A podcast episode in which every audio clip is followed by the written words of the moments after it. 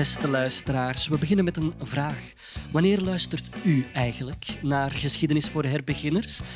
Wat was u aan het doen toen u hoorde hoe Gavrilo Princip zijn fatale schot loste?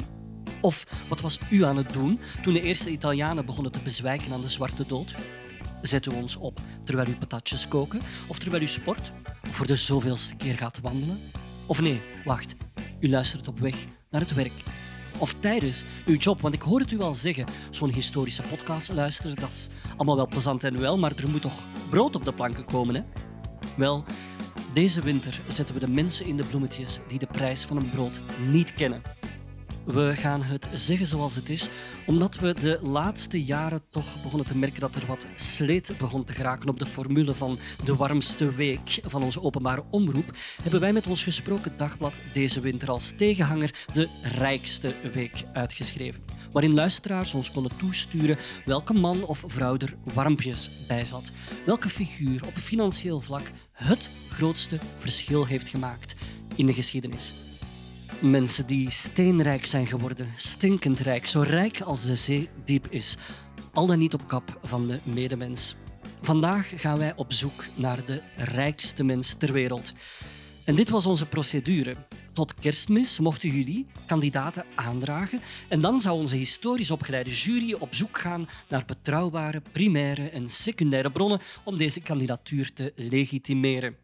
Voor ons, live vanuit de Schorre in Boom, zit Laurens Luiten. Door de strenge coronamaatregelen ziet hij daar moederziel alleen plaatjes te draaien in het plexiglazen kot. Over naar jou, Laurens. Het plexiglazen kot. Met Laurens Luiten.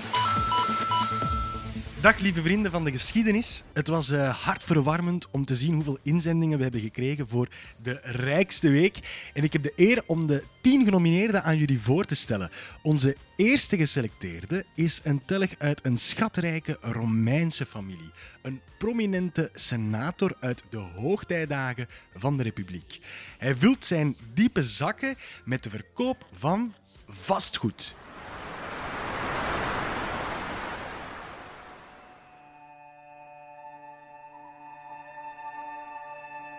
Ja hoor, maak kennis met Marcus Licinius Crassus. Hij werd de rijkste man van Rome, midden in het tumult van de burgeroorlogen die de laatste eeuw van de republiek teisterden. Zo had je in de jaren 80 voor Christus de enorme krachtmeting tussen politici annex veldheren Marius en Sulla. Crassus die schaarde zich achter die laatste, Sulla, toen die voor het eerst in eeuwen Rome innam met een leger. Heiligschennis.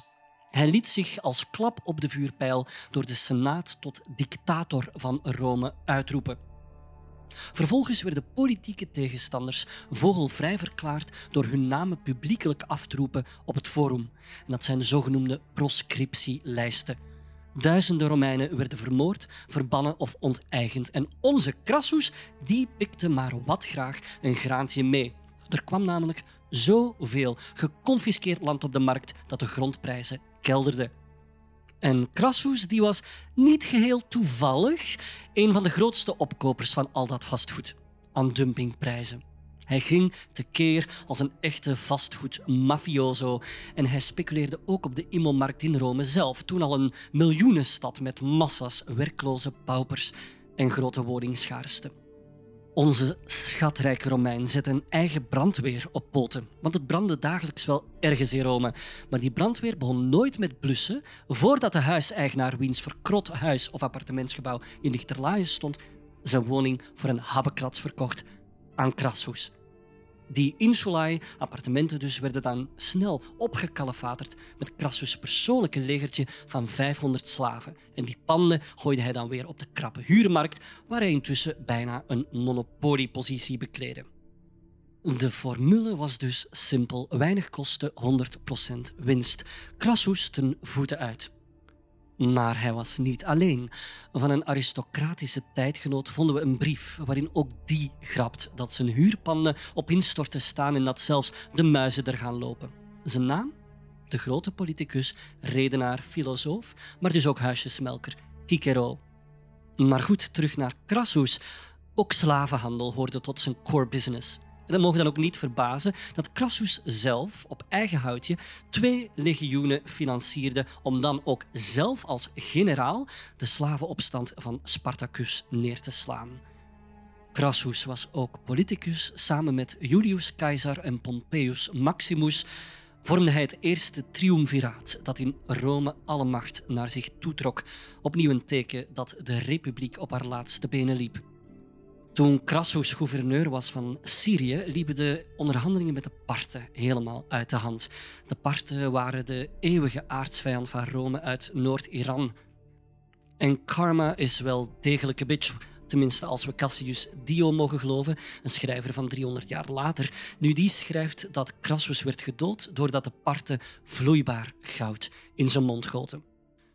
Ouch. Nu, wat we allemaal willen weten, hoe rijk was Crassus nu uiteindelijk? Wel, de Romeinse schrijver Plinius schatte zijn vermogen op zo'n 200 miljoen sestertiën. Dat zijn ongeveer 2,5 miljoen maandlonen van een behoorlijk betaalde Romeinse soldaat. De Griek Plutarchus schatte zijn fortuin op 7100 talenten. Dat zijn zo'n 230 ton goud. Omrekenen naar vandaag is eigenlijk zinloos, maar financieel historicus Peter Bernstein probeerde het toch. Omdat de waarde van de sestertiën schommelde, moet het liggen tussen 150 miljoen en 15 miljard euro. Tel daarbij al dat gestolen vastgoed. We vonden eigenlijk weinig tot geen bronnen die bevestigden dat hij zijn geld op een of andere manier terugschonk aan de maatschappij. Laurens, dat is het wat mij betreft voor onze eerste kandidaat. Ja, wow, dat is waarschijnlijk waarom crasseux in het Frans eh, smerig betekent. Onze tweede gelukkige is bij het grote publiek bekend als de eerste keizer van Rome. Hij verdient een eh, flinke sestertie omdat hij een vijfde van zijn rijk in eigen beheer houdt. Waaronder Warempel heel Egypte zich. Klopt, Augustus Caesar, daarvoor bekend als Octavianus. Wel, die is voor de meesten onder de luisteraars bekend. Maar ik fris het graag nog eens op. Hij was het achterneefje van Julius Caesar en hij werd als diens zoon geadopteerd. Na Romes tweede triumviraat te hebben gevormd met Marcus Antonius en Marcus Aemilius Lepidus en na een burgeroorlog tussen die drie te hebben gewonnen, werd hij princeps civitatis, de eerste burger, kortweg princeps van Rome. Hij regeerde van 27 voor Christus tot 14 daarna, een slordige 40 jaar is dat, over het grootste deel van Zuid- en West-Europa, Klein-Azië en Noord-Afrika. Een rijk dat goed was voor zo'n 25 tot 30 procent van de wereldproductie. Ook al leidde hij verliezen in Germania, toegegeven, hij breidde het rijk uit door onder andere lucratieve inlijvingen van de graanschuur Egypte, maar ook Dalmatië en Hispania. En dankzij diplomatie sloot hij vrede met de Parten. In de hoofdstad riep hij een officiële politie en brandweer in het leven. Hij zorgde voor een staand leger. Hij ontwikkelde een wegennet van heirbanen en hervormde de belastingen. Maar dan het leger. Dat was te duur. En bovendien, zoveel mannen onder de wapenen waren ook een binnenlands politiek gevaar. Augustus kon een derde van ongeveer 70 legioenen ontheffen van hun plicht. Op die manier dus, in 31 voor Christus, kon hij 80.000 van de 230.000 legionairs op pensioen sturen. Volgens professor Ian Morris uit Stanford hield Augustus een tijd lang het persoonlijk bezit van Egypte. En zijn privévermogen was een vijfde van de economie van het hele Rijk. Dat is dan bij benadering 4,6 biljoen dollar. Dat is 3,7 biljoen euro.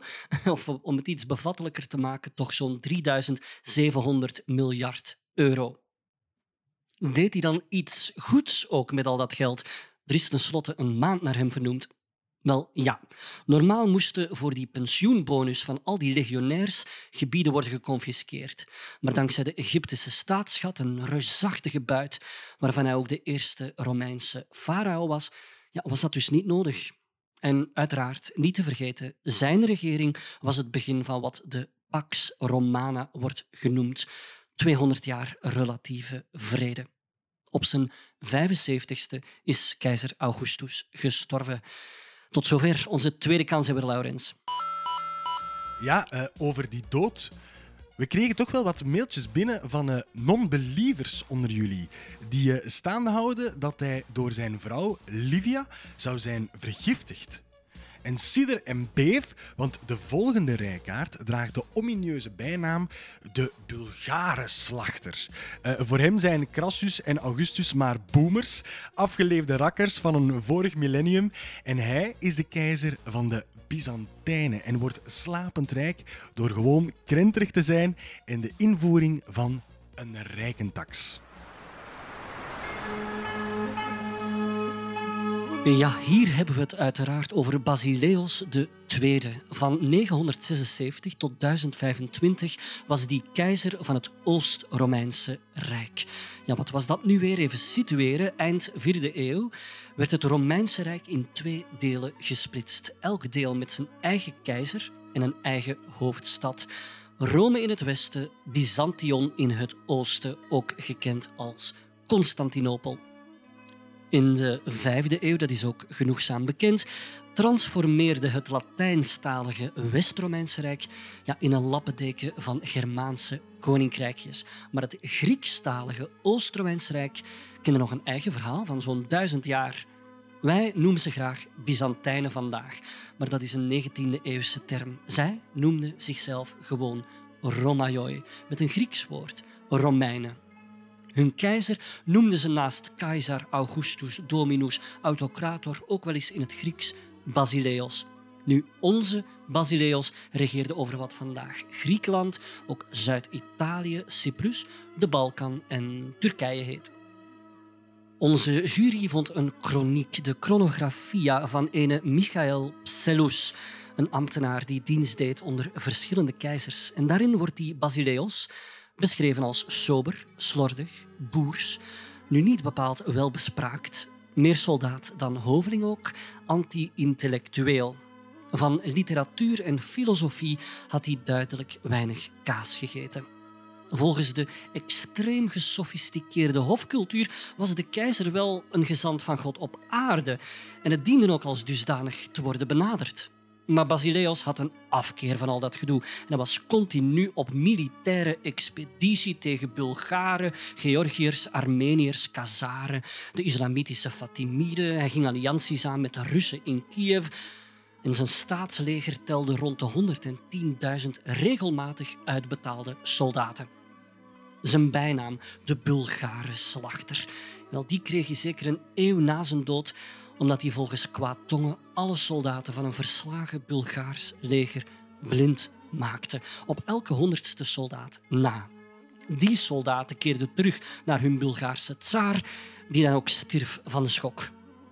Basileus onderhield daarnaast ook een zesduizendtal vetbetaalde bodyguards, de Varangiaanse garde. Die bestond hoofdzakelijk uit Noormannen. Nu, waar haalde hij dat geld vandaan? Zijn militaire macht viel of stond uiteraard met de toegang tot cash. De dinatoi, dat waren de aristocratische grondmagnaten, de one-percenters, zeg maar, die moesten alle achterstallige belastingen van kleine boeren ophoesten. Dus ja, voor die laatste categorie, de boeren, heeft hij toch wel het verschil gemaakt om in de eindejaarssfeer te blijven. Een minutieuze boekhouding verzekerde de staat van een jaarlijkse opbrengst van miljoenen nomismata, eh, de Byzantijnse munt. Basileus die regeerde bijna 50 jaar lang. En dat is uitzonderlijk voor een Byzantijnse keizer van wie er vele vermoord of ritueel verblind werden. Volgens de chronographia liet Basileus de staat bij zijn dood de onwezenlijke hoeveelheid van 200.000 talenten na. En dat is geen kattenpis. In hedendaagse termen een schatkist van honderden miljarden euro's. Oké, u zal zeggen dat zijn publieke middelen, niet het privébezit van de keizer, en akkoord. Maar in diezelfde chronographia vervaagt heel duidelijk het verschil tussen publiek en privé.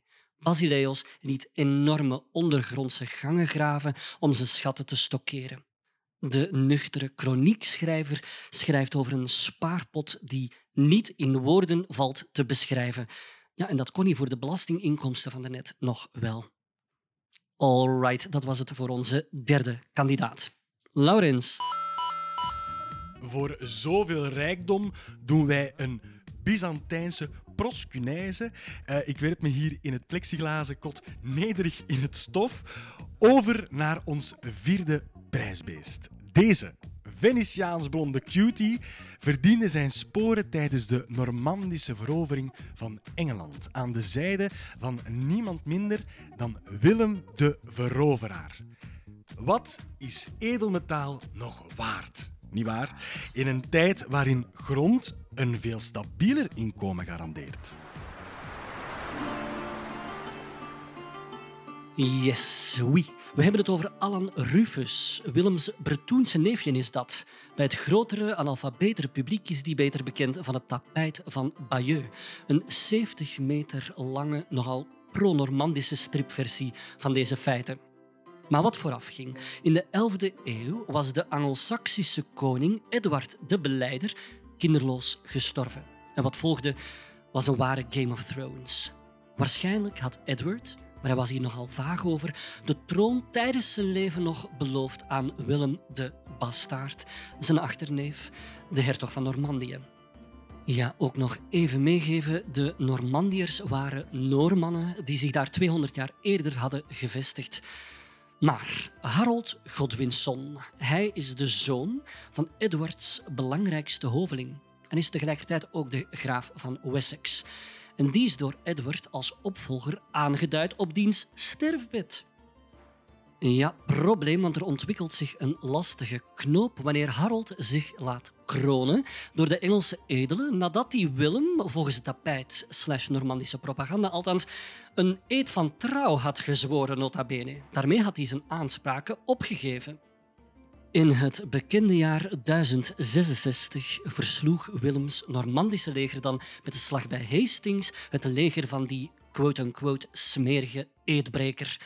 Maar dus, onze kandidaat, ergens tussen die duizenden Normandische krijgers, in die 700 snekken of drakaars die over het kanaal waren gevaren, zat Willems Bretoense neefje Alan Rufus. De slag bij Hastings die was echter niet beslissend. Willem, nu voor altijd de veroveraar genoemd, was de stichter van de nieuwe Normandische dynastie in Engeland en die had nog jaren nodig om alle opstanden tegen zijn bestuur te onderdrukken. Heel befaamd was de Harrying of the North. Dat was het noorden dat volledig werd verwoest met verschroeide aarde en misschien wel honderdduizenden doden. Twintig jaar later werd er in het noorden nog steeds niet opnieuw aan landbouw gedaan. De oude adel, de Angelsaksische adel, die werd massaal onteigend en al hun gronden werden herverdeeld onder Normandische edelieden. Even moet Willem de Veroveraar zelfs de rijkste man van West-Europa zijn geweest, nu rijkdom eigenlijk grondbezit betekent in de middeleeuwen. Maar als krijgsheer werd Willem geacht, naar oude Germaanse gewoonte, zijn soldaten te belonen met oorlogsbuit. Hij liet het Domesday Book opstellen. Dat is een lange Latijnse inventaris van alle onroerende goederen en hun eigenaars voor en na 1066. Ja, dat is een fiscaal kadaster dus. En dat was ongezien sinds de Romeinse overheersing. Onze Alan Rufus deelde duidelijk rijkelijk in de buit, want onze jury vond hem maar liefst 1071 keer vermeld in het Domesday. En we hebben de optelsom gedaan. Zijn bezit verzekerde hem jaarlijkse opbrengsten die toch wel goed waren voor zo'n 7% van het toenmalig nationaal inkomen van Engeland. Beeld je eens in, 7% vandaag zou toch wel goed zijn voor 170 miljard euro. Maar, ere wie ere toekomt, we moeten erbij zeggen, er komt bij Rufus regelmatig iets af om de bouw van een mooi klooster hier of daar te financieren. Voilà, Alan Rufus, onze vierde van in totaal tien kandidaten. Uh, opzij allemaal, aan deze kant van de Sahara is het te doen onze volgende kanshebber geeft gewoon een nieuwe definitie aan rijk zijn als hij en grand comité op bedevaart gaat naar Mekka. En dan is dat met zoveel bling-bling dat de wereld er eeuwen later nog over spreekt.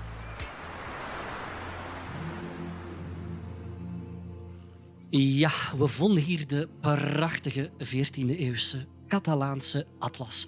Extreem gedetailleerd, schitterend geïllustreerd, echt waar. En daarop staat iemand prominent afgebeeld met een gouden kroon op het hoofd en een gouden munt in de hand. Ook wordt hij omringd door talrijke wat steden en moskeeën. Onze vijfde rijkste mens is Mansa Musa, koning Musa van Mali. En die was koning van 1312 tot 1337. Volgens een Arabische kroniek wilde zijn voorganger met 3000 schepen naar het uiteinde van de Atlantische Oceaan varen, maar is nooit teruggekomen. We hebben het hier wel over de 13e eeuw, lang voor Columbus. Onze Moussa die voerde nog andere ronkende titels. Ik heb hier nog Sultan, Veroveraar, Leeuw van Mali, de Heer der Mijnen van Wangara. Klinkt niet toevallig misschien wat als Wakanda. Uh, Mali toen strekte zich uit over het hedendaagse Guinea, Senegal, Mauritanië, Gambia en Mali. En het was grotendeels islamitisch. Het land lag bijzonder strategisch op de kruispunten van alle karavaanroutes van West-Afrika. Maar Mali, het rijk, maakte zichzelf nog rijker door de winning van zout, maar ook goud. Mansa Musa controleerde of zeg maar bezat meerdere goudmijnen en Mali was een van de belangrijkste goudproducenten van Afrika. Goed voor maar liefst de helft van de wereldvoorraad toen.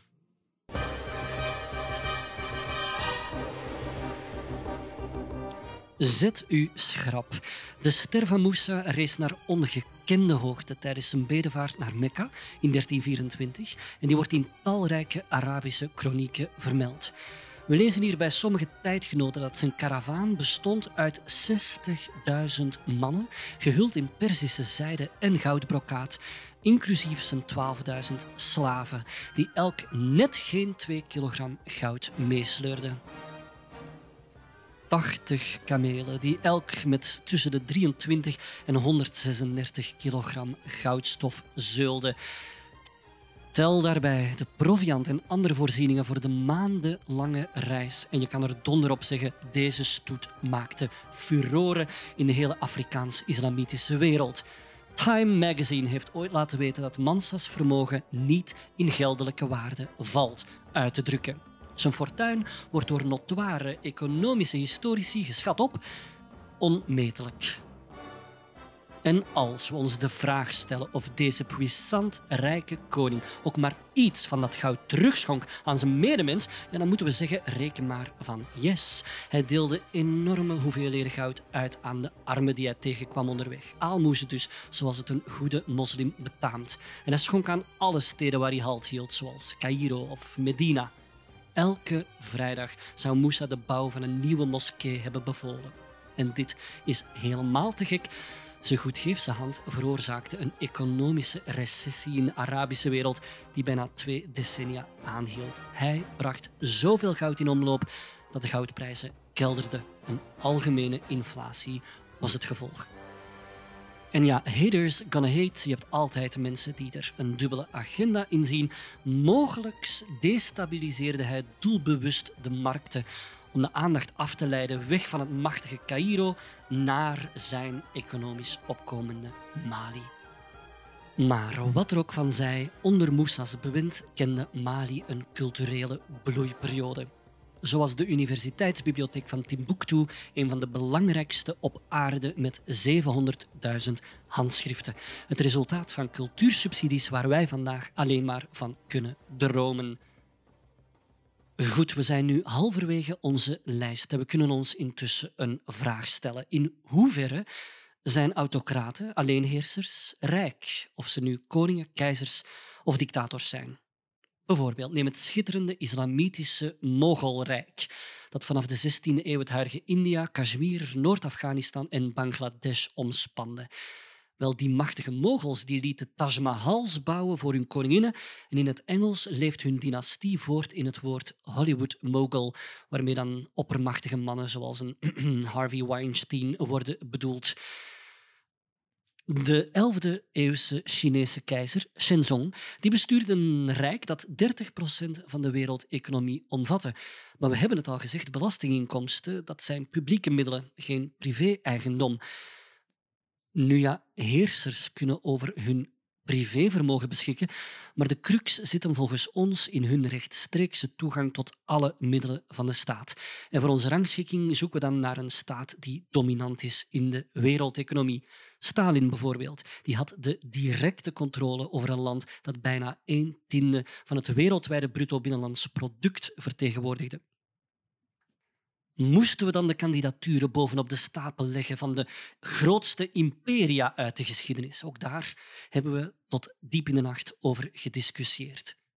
Neem nu Genghis Khan, de legendarische Mongoolse leider die van 1206 tot 1227 heerste over het grootste aaneengesloten rijk uit de geschiedenis van de mensheid. Ja, die man die was geboren in een joert en hij stierf in zo'n tent. Geen gouden paleizen, zelfs geen vaste residentie. Maar bon, iets om mee te nemen dus. Maar goed, Laurens, wie heb je nu voor ons klaarstaan? Wel, als jullie denken dat koning Moussa de meest zuidelijke kandidaat is, think again. De volgende keizer mag zichzelf op de borst slaan, want hij is de enige laureaat bezuiden de Evenaar en bewesten de Atlantische Oceaan.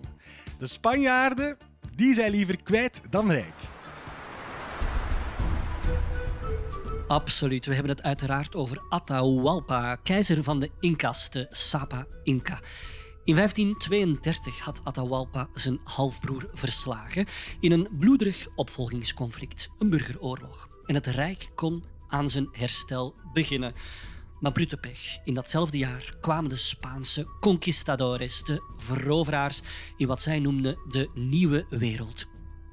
Francisco Pizarro en zijn 168 soldaten die hadden de dollartekentjes ongetwijfeld al in hun ogen. Sorry, dat is een anachronisme, die waren er nog niet uiteraard. Wat ons interesseert, wat voor de ene cultuur het toppunt van rijkdom is, is dat voor de andere niet noodzakelijk. De Inca-economie was iets heel bijzonders. Het was de enige grootschalige economie uit de geschiedenis die niet op een markt gebaseerd was. Het rijk werd centraal bestuurd door een keizer die alles controleerde: eten, kleding, eh, vastgoed, luxe producten en mensen. Eigenlijk was het land nominaal eigendom van Atahualpa. Collectieve arbeid was de basis van de economische productiviteit en dus ook van de sociale welvaart van de Inca. Elke Inca moest belasting betalen in de vorm van arbeid. Wegen, bruggen, forten en landbouwterrassen werden gratis gemaakt door de Inca en in geval van misoogsten, ziektes en andere miserie, dan kon je een beroep doen op de staat. Van geld hadden de Inca geen notie. De Spanjaarden daarentegen waren zo geobsedeerd door goud en zilver ja, dat dat bij wijle vreemd moet zijn geweest voor de Incas. Voor hen waren veren of zout, stoffen veel waardevoller. Nu, hoe gaat het verhaal verder? Keizer Atahualpa werd gegijzeld door Pizarro en zijn kompanen. Als losgeld verzamelde de Inca-bevolking een ongezien bedrag door volledige tempels te strippen van goud, zilver en edelstenen. Historicus en Inca-kenner John Hemming schat het op een kleine 200 miljoen euro vandaag. Ondanks die torenhoge som aan losgeld werd Atahualpa niet vrijgelaten omdat die trouw gebleven soldaten stiekem had opgeroepen om zijn halfbroer om te brengen en hem zelf ook te komen bevrijden, werd hij door de Spanjaarden ter dood gebracht in 1533. Hij stond al op de brandstapel toen zijn vonnis werd omgezet. In ruil voor zijn bekering tot het christendom mocht hij sterven aan de wurgpaal. Atahualpa ging hierop in om zijn leven in het hiernamaals te kunnen aangaan met behoud van lijf en leden. Wat deed Pizarro? Die stak een enorm deel van de buit in zijn eigen zak en het Inca-rijk werd in de decennia daarna leeggezogen. Wat deden die Spanjaarden nu met al dat edelmetaal? Wel, met hun zilvervloot verkassen naar Europa. Maar in Cauda Venenum, het venijn zit hem in de staart. De tonnen goud en zilver die de Europese markten overspoelden na 1500 zorgden ook voor inflatie en een lange economische crisis. Ja, ja, niemand komt echt goed uit dit verhaal, maar Atahualpa en zijn Incas nog het minst. Tristig. Laurens. Onze volgende genomineerde telt de grote der aarde onder zijn schuldenaren. Uh, waar zijn belangrijkste cliënt Karel V, de keizer is van het rijk waar de zon nooit ondergaat en ook door God is aangeduid om over miljoenen te regeren, is deze zoon van een textielkoopman de keizer, wat zeg ik, de god van de centen.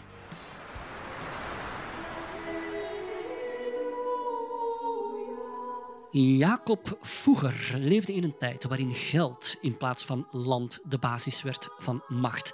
En een tijd ook waarin Europa in het centrum van de wereldhandel kwam door de kolonisatie.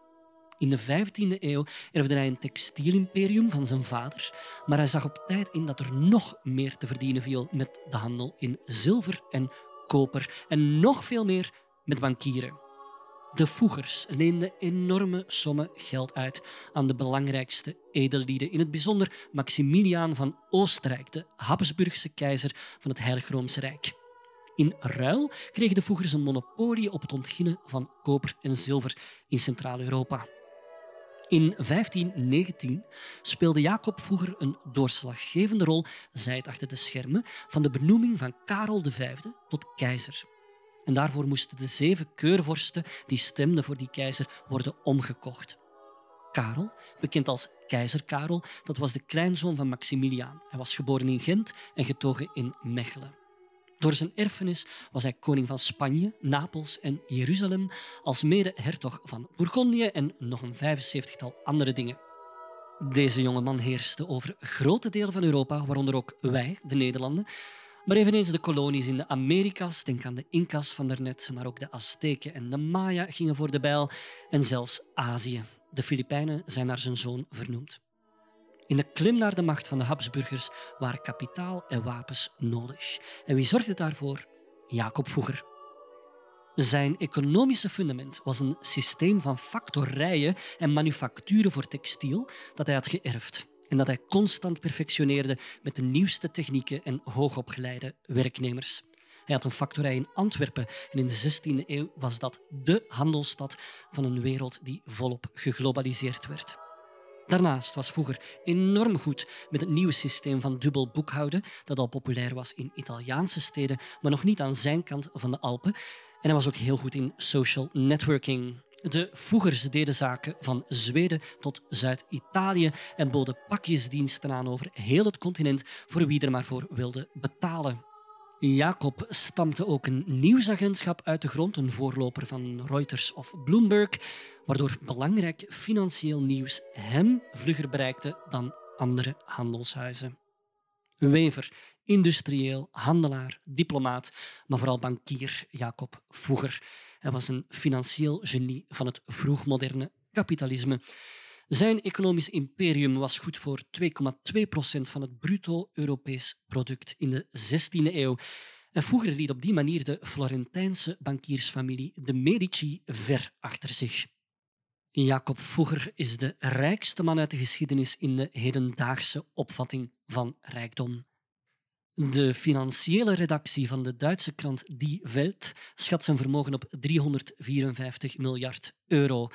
Alleen de bankiersfamilie Rothschild komt in zijn buurt. En deed hij ook iets goeds met al dat geld? Wel, Voegers nalatenschap vinden we in zijn geboortestad Augsburg. Hij werd rijk van rente, maar die mocht niet te hoog zijn, want dat was zondig in de ogen van de kerk. Uit filantropie of om zijn hemel te verdienen, of allebei, bouwde Voeger de eerste sociale woningen uit de geschiedenis. De Fougerij, ze staat er nog en er wonen nog altijd behoeftigen in vandaag. Dat was het voor mij. Over terug naar jou, Laurens. Zouden die bewoners nog altijd drie keer per dag bieden voor Voegers zielenheil? Hola.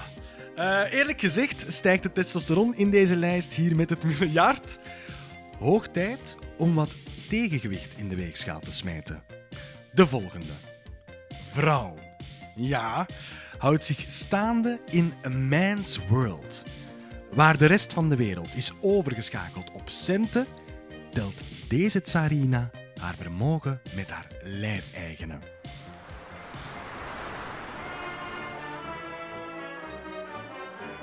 Ja, met het epiteton De Grote weet je al welk vlees we in de kuip hebben. En misschien verwijst deze bijnaam niet enkel naar haar politieke macht, maar ook haar fortuin. We hebben het hier over Catharina de Grote, de moeder van Rusland, ook al had ze Pruisische roots.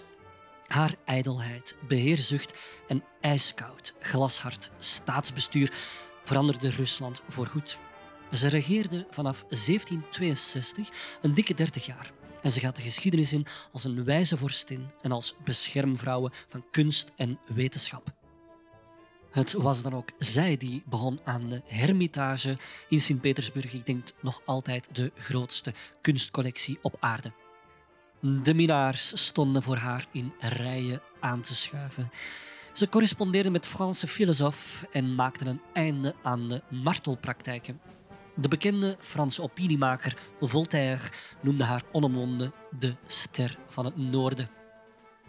Catharina breidde het gigantische Rusland nog meer uit, waardoor ze in het bezit kwam van bijna 5% van het wereldwijde BBP.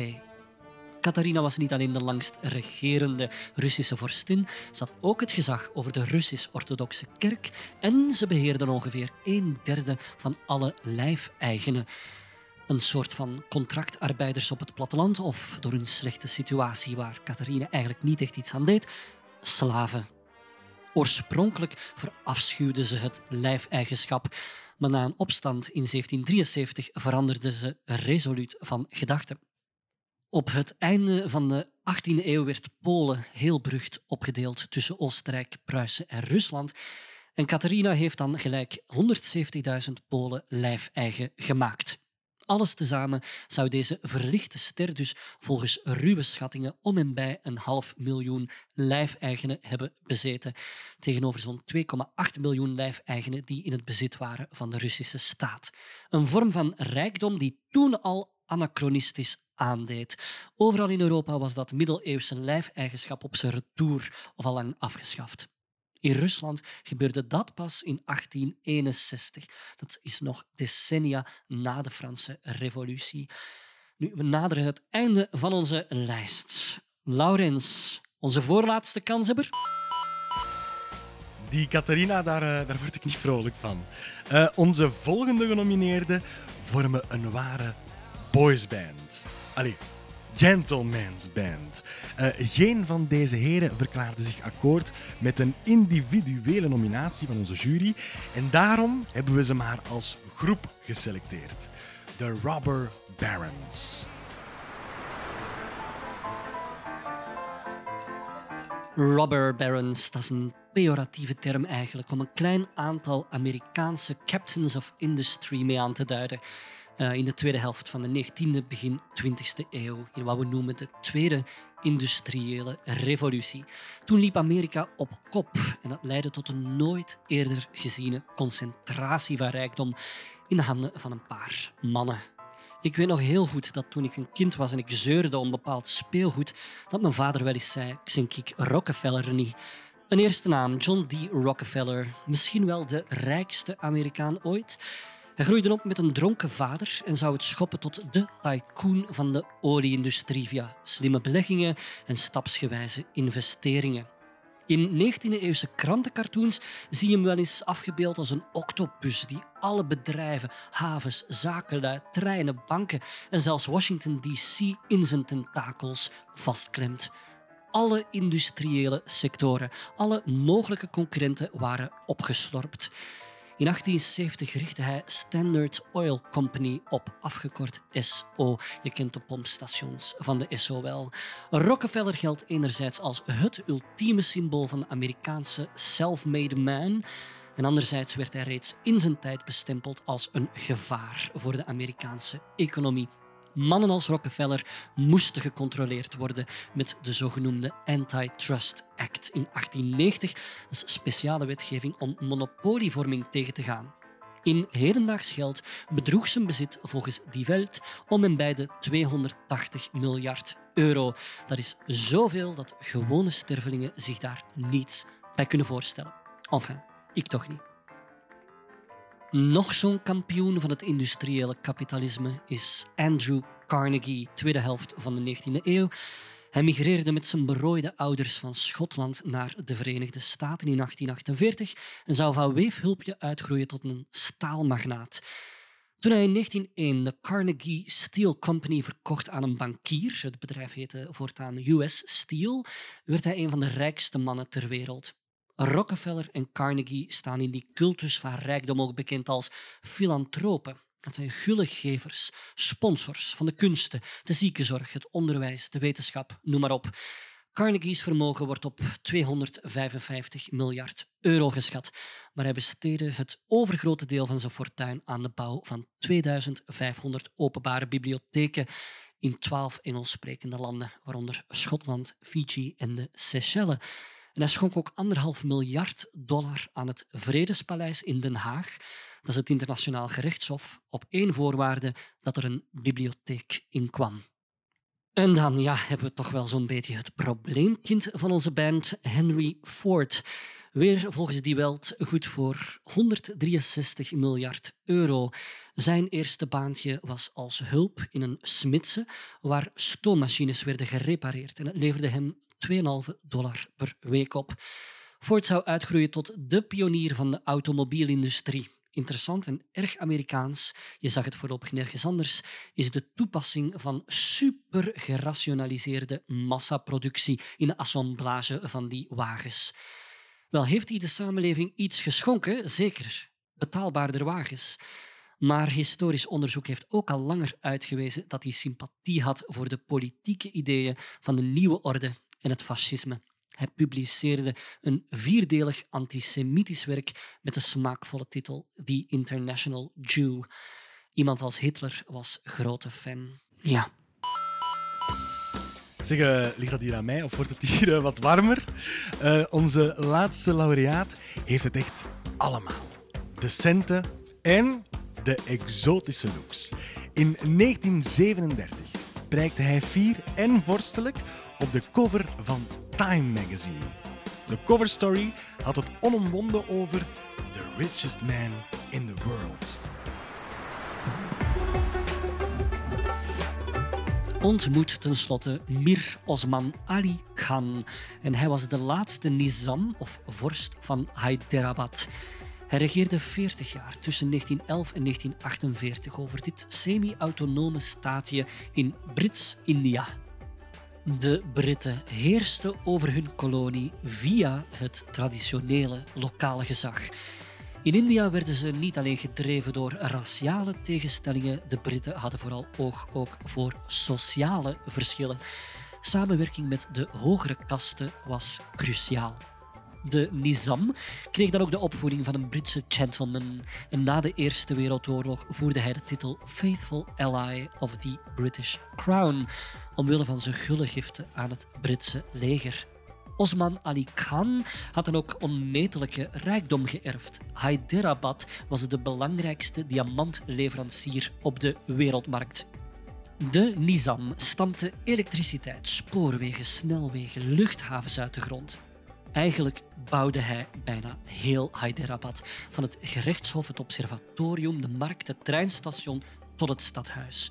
Musea, een paar ziekenhuizen, de bibliotheek, noem maar op. En waar kan je dat geld beter bewaren dan in een bank die je zelf hebt opgericht? En oh ja, natuurlijk heeft deze staat ook haar eigen muntsoort. Niet alleen Osman Khans vermogen, dat geschat wordt op 190 miljard euro, was astronomisch hoog, maar ook zijn aantal kinderen, dat wordt geschat op 200. Wellicht lopen er nog heel wat van zijn afstammelingen rond. Nu, wanneer ben je echt rijk? Als je de Jacob Diamonds, dat is een van 185 karaat en toevallig ook de op vier na grootste geslepen diamant ter wereld, gebruikt om op uw papieren te leggen op uw bureau. Ja, ze zouden wel eens kunnen wegwaaien anders. Osman Khan. Hij vond die diamant in de schoen van zijn vader. Naast zijn rijkdom stond hij ook een beetje bekend als excentriek. Zo breidde hij zijn eigen kousen en vroeg hij gasten stevast om een sigaret. Ook hij was een filantroop. Onderwijskundige en religieuze instituten en universiteiten werden gesponsord. De laatste jaren van zijn bewind had Osman Khan het moeilijk. Zo probeerden radicale moslims te verhinderen dat Hyderabad Indisch zou worden. De dekolonisatie was op gang gekomen en in 1948 werd India onafhankelijk. De nieuwe Indische staat nationaliseerde veel van zijn persoonlijke rijkdommen.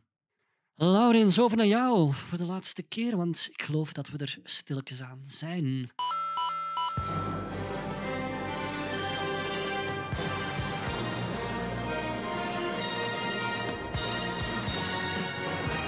Beste luisteraars, dit waren onze Lucky Few. In onze strenge selectie van onmetelijke rijkdom hebben verschillende inzendingen het jammer genoeg uh, niet gehaald. Jonas, uh, wie verdient er nog een eervolle vermelding? Ja, nog heel even. Wie we hebben moeten disqualificeren was onder andere de Rothschild-familie. Ja, die een paar miljard meer heeft verzameld dan Rockefeller, maar er was duidelijk gesteld dat je individueel moest deelnemen. Ons criterium was daarnaast ook gedocumenteerde rijkdom. we hebben moeten waken over de grens tussen legende, mythe en realiteit. We hebben dus enkele inzendingen moeten teleurstellen. Zo hebben we van ene bijbelse Salomon niet kunnen achterhalen of hij nu een legendarische dan wel historische figuur is. We hadden het de Chinese keizerin Wu of de Egyptische Cleopatra of Hatshepsut graag gegund, maar uiteindelijk zijn het overal de mannen die de kroon spannen als het aankomt op vermogen. In de categorie Volgende keer beter plaatsen we ook de kandidatuur van ene koning Midas, die naar eigen zeggen al lang voor de Trojaanse oorlog regeerde over Frigië, een koninkrijk in Klein-Azië. Als beloning voor zijn gastvrijheid had die, zo schrijft hij ons, van god Dionysos de gave gekregen om alles wat hij aanraakte in goud te veranderen. En Midas maakte dan van stenen, bloemen, maar vervelend genoeg ook van zijn eten en drinken goud. Maar daarnaast kregen we ook nog een brief van een, van een geschiedenisleraar. Ja, hier is hij, Herodotos. En die verklaart de kandidatuur van Midas dan weer ongeldig omdat die zich, om van zijn vloek af te zijn, gewassen zou hebben in de Pactolus, een rivier die al zijn goud opzoog. Nou, mij wel een straf verhaal. En die rivier die stroomde dan verder tot Lydië. En de koning van Lydië, Croesus, die wordt door Herodotos naar voren geschoven want die bracht als allereerste mens betrouwbare gouden en zilveren standaardmunten in omloop. Maar, sorry, Croesus, wees blij dat ze in Frankrijk nog altijd zeggen riche comme Jésus. We zijn er bijna. Wat we verticaal hebben moeten klasseren is de gele briefkaart van ene Eldorado, die van zichzelf zegt dat hij baden neemt in goud. We zouden aan de luisteraars willen meegeven: trap niet in dezelfde val als Europese avonturiers en ontdekkingsreizigers drie eeuwen lang hebben gedaan. Het bestaat niet. Het is een hoax. En aan het groepje Ierse pubers tenslotte, die ons de hele tijd phishingmails sturen over potten goud die aan regenbogen zouden zijn verstopt. Ja, geen kat van onze luisteraars gelooft nog in kaboutertjes. Beste luisteraars, hebben we nu eigenlijk een winnaar? Ja, u raadt het al. We gaan het niet doen. Oordeel zelf maar. Ik denk dat we allemaal winnaars zijn als we de waarde van geld kennen. Ten eerste, ook al zitten we aan het einde van het jaar, het spitsuur van de lijstjes, historici houden er niet zo van. En ten tweede, wat we verstaan onder rijkdom verandert in elk tijdsgevricht en het is context- en plaatsgebonden. Zelfs al ken je de omvang van een vermogen in het verleden, dan is het vaak onbegonnen werk om dat om te zetten naar hedendaagse valuta als het al om geld gaat. U had het waarschijnlijk door, maar we behandelden onze figuren chronologisch terwijl we van de ene naar de andere cultuur hopten. We selecteerden vastgoedmakelaars en grootgrondbezitters, maar ook bankiers, industriële tycoons en dictators. Individuen die volgens ons in hun tijd, volgens de normen van hun eigen wereld, bekend stonden als rijker dan rijk. Je kan de rijkdom van Crassus niet vergelijken met die van Osman Khan, 20 eeuwen later. En de 16e-eeuwse Jacob Fugger en de 19e-eeuwse Rockefeller beschikten over vermogens waar Bill Gates, Jeff Bezos of wijle Lilian Bettencourt van L'Oréal, ja, blij dat ik nog eens een vrouw kan noemen ook, doen verbleken. Onze jury heeft al onze kandidaten gedriedubbelcheckt aan de hand van betrouwbare, secundaire literatuur, maar de vele werken die we hebben geraadpleegd, die, lijken elkaar maar deels te overlappen of zelfs soms tegen te spreken. Een rangorde opstellen, dat is altijd arbitrair, nooit wetenschappelijk.